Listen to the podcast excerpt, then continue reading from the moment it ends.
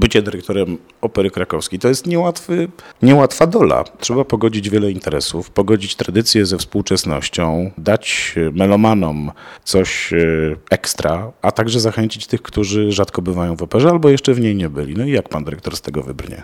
To jest chyba taka niesamowita przygoda. Przygoda, którą dany mi jest przeżyć i to trochę już z perspektywą doświadczenia, które kiedyś zdobywałem pracując w tej instytucji. Tak więc y, chodząc tymi korytarzami i, ucząc się bardzo wielu rzeczy, które są niezwykle y, ważne i cenne i potrzebne w pracy w operze. Nabywałem też takiego doświadczenia, które teraz jako zarządzający łatwiej mi zrozumieć. Tego się nie da nauczyć w szkole, tego się nie da przeczytać w książkach. To jest coś, co y, jest taką materią, którą musimy dotknąć i przeżyć i ciągle jeszcze być elastyczni, bo nie ma y, stuprocentowych rozwiązań na każdy problem, który w takiej ogromnej instytucji jak właśnie teatr muzyczny się zdarzają z dnia na dzień. No to jest wyzwanie i przygoda, którą jestem przekonany, że wielu moich kolegów starszych, młodszych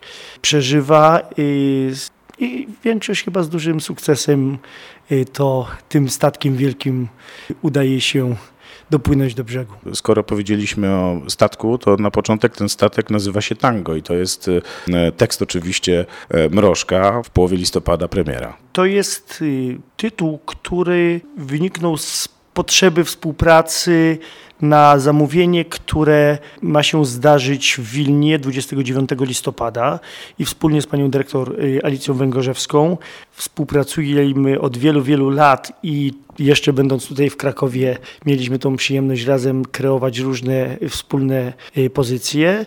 Wpadliśmy na pomysł, żeby połączyć siły. Y, Warszawska Opera Kameralna na co dzień już nie ma zespołu współczesnego, jeśli chodzi o orkiestrę, a tam jest potrzebna orkiestra w dużym składzie Y, nie barokowa, tylko współczesna i pomyśleliśmy, żeby skorzystając z tej y, okazji, pokazać to tango w Krakowie, gdyż nigdzie indziej nie można już go zobaczyć i posłuchać.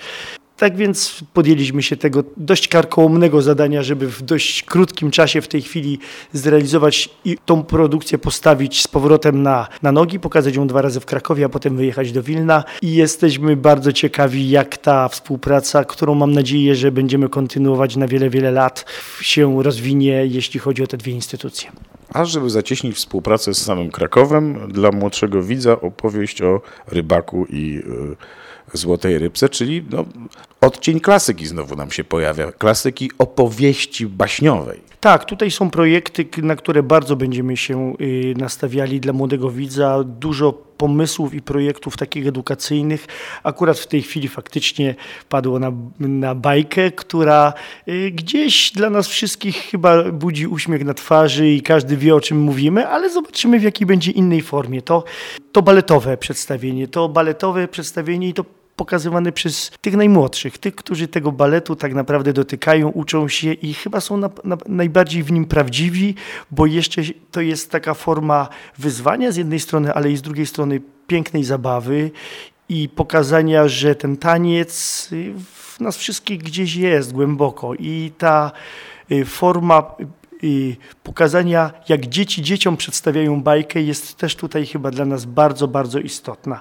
A z drugiej strony mamy też yy, drugą opowieść o, o tajemnicy rękawiczki i opowieść o smoku wawelskim. To jest projekt, który jest kierowany przede wszystkim w związku z sytuacją, która nas wszystkich otacza, yy, wojny na Ukrainie. To ma, wyszliśmy z takim projektem, który w dwujęzyczny sposób pokazuje dwie dla nas bardzo ważne legendy, baśnie, czyli to, co w Krakowie znamy, opowieść o smoku wawelskim, ale i również na Ukrainie tajemnice rękawiczki. To są chyba jedne z najbardziej rozpoznawalnych baśni w tych dwóch naszych zaprzyjaźnionych krajach. I chcieliśmy to połączyć w formie takiej i dwujęzycznego spektaklu, przedstawienia, opowieści, zabawy, żeby tak nasi artyści, którzy właśnie pochodzą z tych obydwu krajów, jak i również publiczność, która będzie słuchała tego spektaklu w dwóch językach, mogła dotknąć tych dwóch legend w sposób bardzo fajnie przemyślany przez autora, czyli Pawła Wójtowicza, naszego koncertmistrza, ale i również autora tego całego przedsięwzięcia.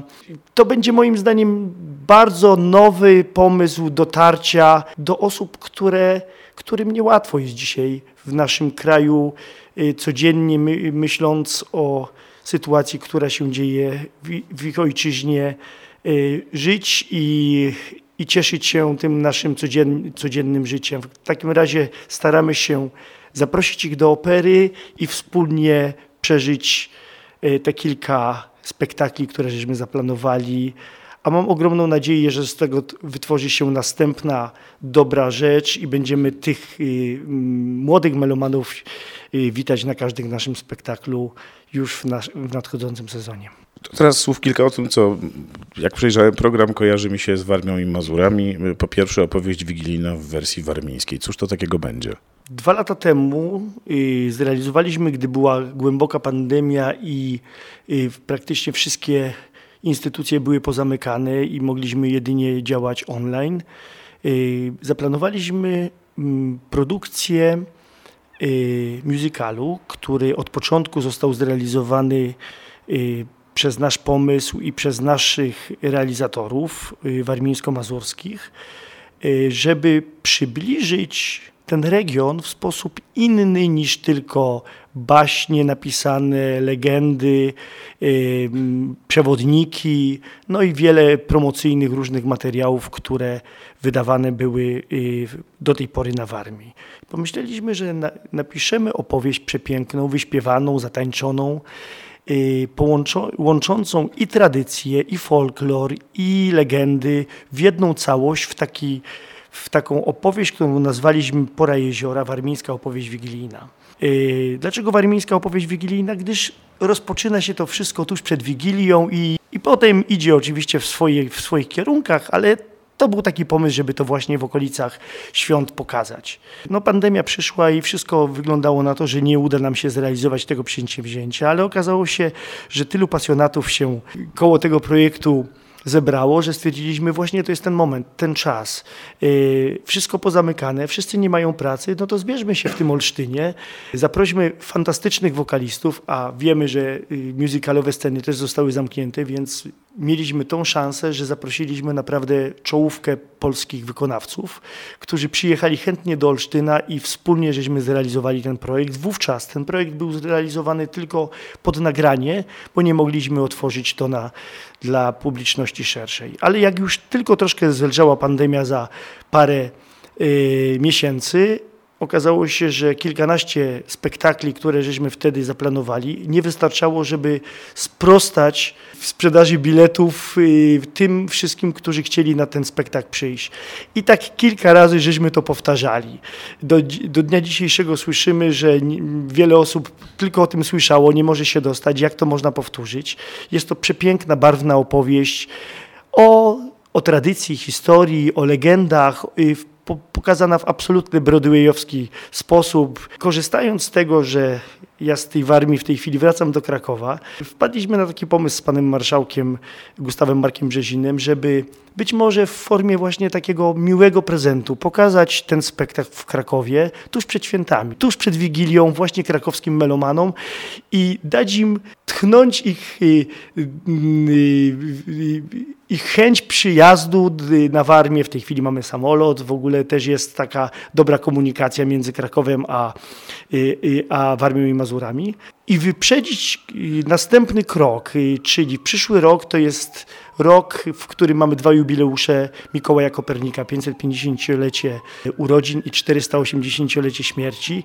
I właśnie to jest jeden z naszych następnych pomysłów i projektów, które chcemy wspólnie zrobić, a wiedząc, że Mikołaj Kopernik jest pochowany we Fromborku, właśnie na Warmii i Mazurach i tam większość swojego życia spędził odkrywając najważniejsze swoje dzieła, chcemy też jakby w formie edukacyjnej pokazać Mikołaja Kopernika od innej strony niż tylko tej jedynej, że od tego odkrycia, bo myślę, że to jest tak kolorowa postać i tak niezwykła, że wszyscy w sposób właśnie taki inny niż książkowy powinni się o niej dowiedzieć. To będzie taki y, y, import, a w zasadzie połączenie, bo przecież Kopernik studiował przez kilka lat w Krakowie, zanim później między innymi do Bolonii na studia dalsze pojechał, a rzeczywiście jako kanonik warmiński no, większość swojego życia związał historycznie i tożsamościowo właśnie z Warmią. Zresztą stamtąd do Krakowa e, przyjechał, z tego co pamiętam.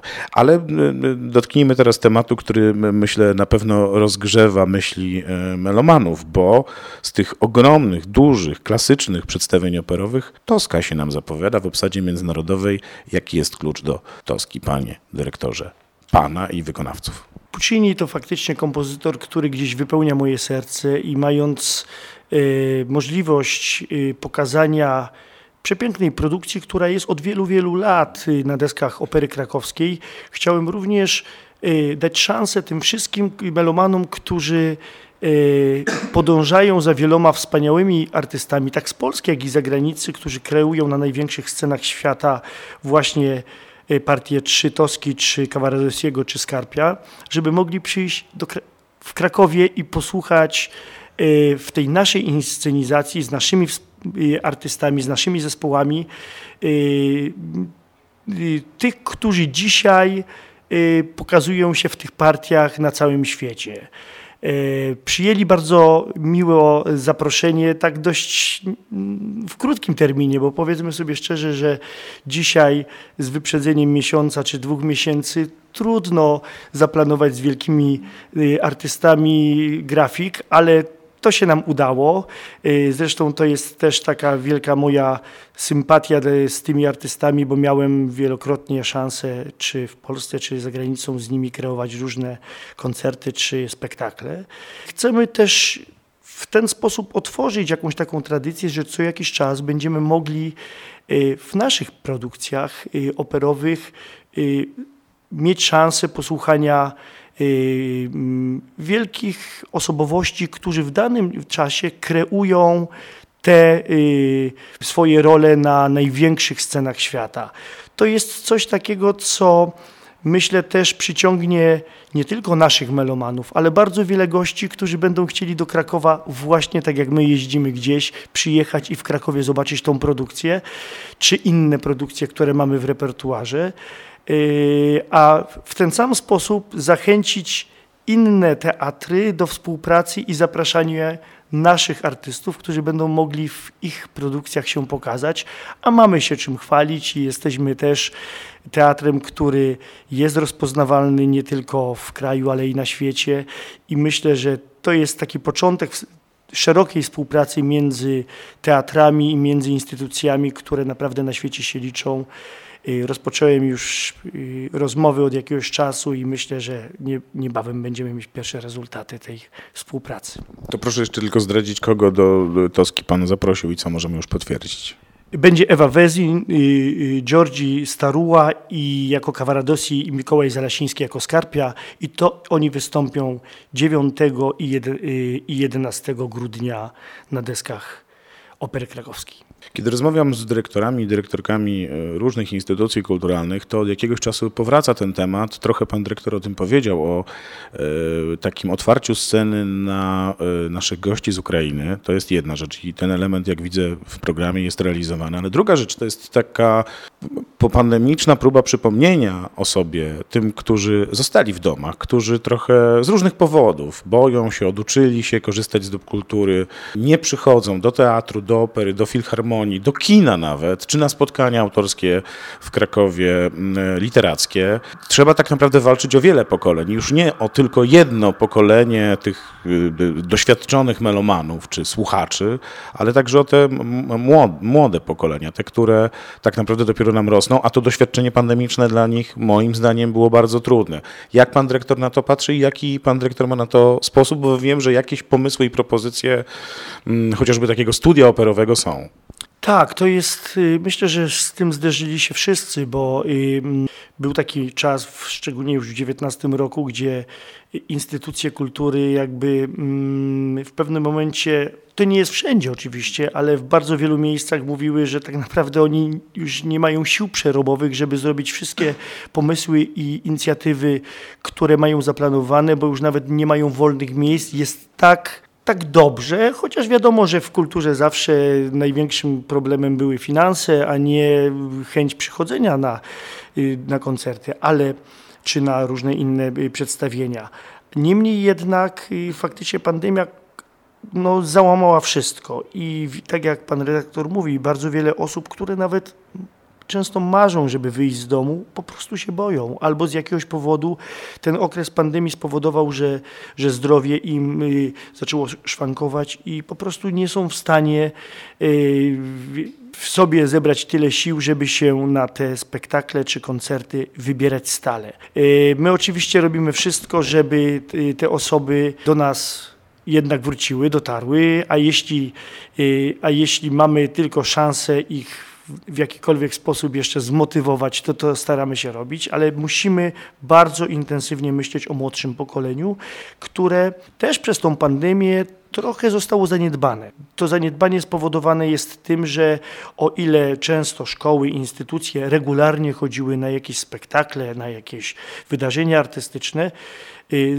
zahamowanie tego wszystkiego często nie odbudowało tej tradycji. Już za, zaczęły się to, ta przestrzeń zajmować czymś innym, nie wszyscy są tym zainteresowani, żeby to odbudować i to jest nasza rola, to jest absolutnie nasza rola. Na pewno w tak dużym mieście jak Kraków będzie nam łatwiej, natomiast musimy sięgnąć również po, y, y, po środowiska, które są poza Krakowem. Środowiska, które też są spragnione tego, ale mają dużo trudniejszy, y, y, y, dużo trudniejszą jakąś taką możliwość dotarcia na przykład do opery czy do, do filharmonii. Tak więc wspólnie tak z dyrektorami już żeśmy na ten temat rozmawiali i urząd nas tutaj bardzo wspiera w tym, żeby albo wyjeżdżać do nich i i, i, kreować różne y, wydarzenia artystyczne poza murami naszych instytucji, albo wzmacniać ich tym, żeby oferować taką, y, mm, takie, y, taką propozycję repertuarową, która ich naprawdę zachęci, żeby tu przyjechali. I to staramy się robić. Studio operowe to pomysł, który wiele lat chodził mi po głowie i, i, oczywiście nie jestem pionierem w tym, jeśli chodzi o Polskę ani świat, ale jest na pewno bardzo, ale to bardzo potrzebne w Krakowie. Kraków ma tak silną markę, jeśli chodzi o miejsce, że nie może braknąć tego profesjonalnego studia operowego przy, przy Operze Krakowskiej dla promowania tak najlepszych głosów y, młodych, jak i promowania potem tego miejsca w świecie właśnie za ich pośrednictwem. Wiemy doskonale, że bardzo y, dużo utalentowanych wokalistów czy reżyserów właśnie rozpoczynało w studiach operowych przy wielu instytucjach w świecie i to one się stawały taką kuźnią talentów, bo tam właśnie tak naprawdę ta sztuka jest y, realizowana na co dzień. To nie, jest, to nie są wykłady, tylko to nie jest szkoła, to nie są uczelnie, ale to jest prawdziwe rzemiosło. Spotykanie się z problemami, to co żeśmy na początku mojej rozmowy mówili, gdzie człowiek chodząc po korytarzach, chodząc po pracowniach, spotyka się z faktyczną pracą, która potem wymagana jest od tych y, przyszłych artystów czy realizatorów. I to właśnie to jest najbardziej potrzebne dla tych młodych ludzi. Oni często kończą studia i przychodzą bardzo, bardzo świeży do naszych instytucji, trochę próbując wejść w tą maszynę wielką naszej instytucji, ale no nie mając podstawowego doświadczenia, które muszą gdzieś zdobyć. I y, świat tak strasznie dzisiaj szybko pędzi, że często oni to doświadczenie zdobywają trochę niekompletne. I my staramy się przez to studio dać szansę, oczywiście tym najlepszym, bo przecież nie jesteśmy w stanie na dzień dzisiejszy otworzyć się na wszystkich, ale właśnie ci najlepsi będą naszymi ambasadorami później, więc profesjonalnie przygotowane zajęcia, wykłady związane z y, y, doświadczenie w pracowniach, doświadczenie z mentorami, ale i również uczestnictwo w naszych próbach, uczestnictwo w naszych spektaklach czy wchodzenie w różne partie da im tak duże doświadczenie w przyszłości, które przeniosą na nie tylko naszą scenę y, krakowską, ale na wiele estrad świata, a mamy doświadczenie polskich wspaniałych artystów, którzy y, dzisiaj są naszymi ambasadorami w świecie i na największych scenach. Tak więc myślę, że Kraków zasługuje na jedną z trzech przynajmniej ogniw takiego, takiego jak ja to nazwałem Youth Opera, czyli studio baletowe, chór dziecięcy i studio operowe, które będą taką w profesjonalny sposób y, prowadzoną edukacją przy Operze Krakowskiej, co spowoduje, że za jakiś czas będziemy mieć rezultaty w, świętowaniu wspaniałych artystów. To studio jest w planach i ono już zaczęło działać, zacznie działać, kompletujecie tych, którzy będą mentorami, jak to wygląda? Tak, jesteśmy po wielu już rozmowach, w tej chwili już ostatnie jakby są szlify związane z, też z takimi dokumentacyjnymi rzeczami, bo wszystko musi być jakby też uregulowane prawnie i musimy mieć jakby jasne założenia, jak to ma wyglądać. Myślę, że ono rozpocznie swoją działalność z początkiem przyszłego roku. Do końca roku będziemy starali się jeszcze to dopracować, a taka regularna praca rozpocznie się w przyszłym roku, czyli 23. Z tego co pamiętam w historii opery krakowskiej w ostatnich latach często też artyści opery wychodzili na zewnątrz, czyli wychodzili z nobliwego gmachu mm, tutaj w samym centrum e, Krakowa i proponowali melomanom, słuchaczom takie spotkania w różnych niekonwencjonalnych miejscach i takie pojedyncze, kilkukrotne wystawienie jakiejś opery czy jakiegoś dzieła po prostu w plenerze. To się świetnie sprawdzało, y, przynajmniej jeżeli chodzi o odbiór widowni, bo było to coś niestandardowego. Czy opera krakowska będzie wychodziła także poza gmach ze swoją ofertą, a jeśli tak, to w jaki sposób? Oczywiście, że tak. Już wspomniałem między innymi o roku Kopernika wcześniej i cała produkcja, którą będziemy oczywiście później realizowali na deskach opery krakowskiej, ale pierwsze jej prawykonanie światowe y, wydarzy się wydarzy się w, we Fromborku, tam gdzie Kopernik jest pochowany i w rocznicę śmierci jego planujemy to na weekend 20-21 maja 23 roku będzie wielkie widowisko związane właśnie z wystawieniem y, tego spektaklu na dziedzińcu y, katedralnym y, we Fromborku. Yy, oczywiście pewnie wszyscy się tam nie pomieścimy i nie będzie to możliwe, ale zapowiada swoją obecność telewizja, która będzie yy, yy, bądź kręcić, nakręcać, bądź retransmitować to wydarzenie, bo ono będzie mogło się tak naprawdę w tej konwencji odbyć tylko tam maksymalnie dwa razy, ale potem ten spektakl zostanie przeniesiony na deski Opery Krakowskiej, będziemy mogli go już oglądać w Krakowie dużo, dużo częściej i dużo dłużej.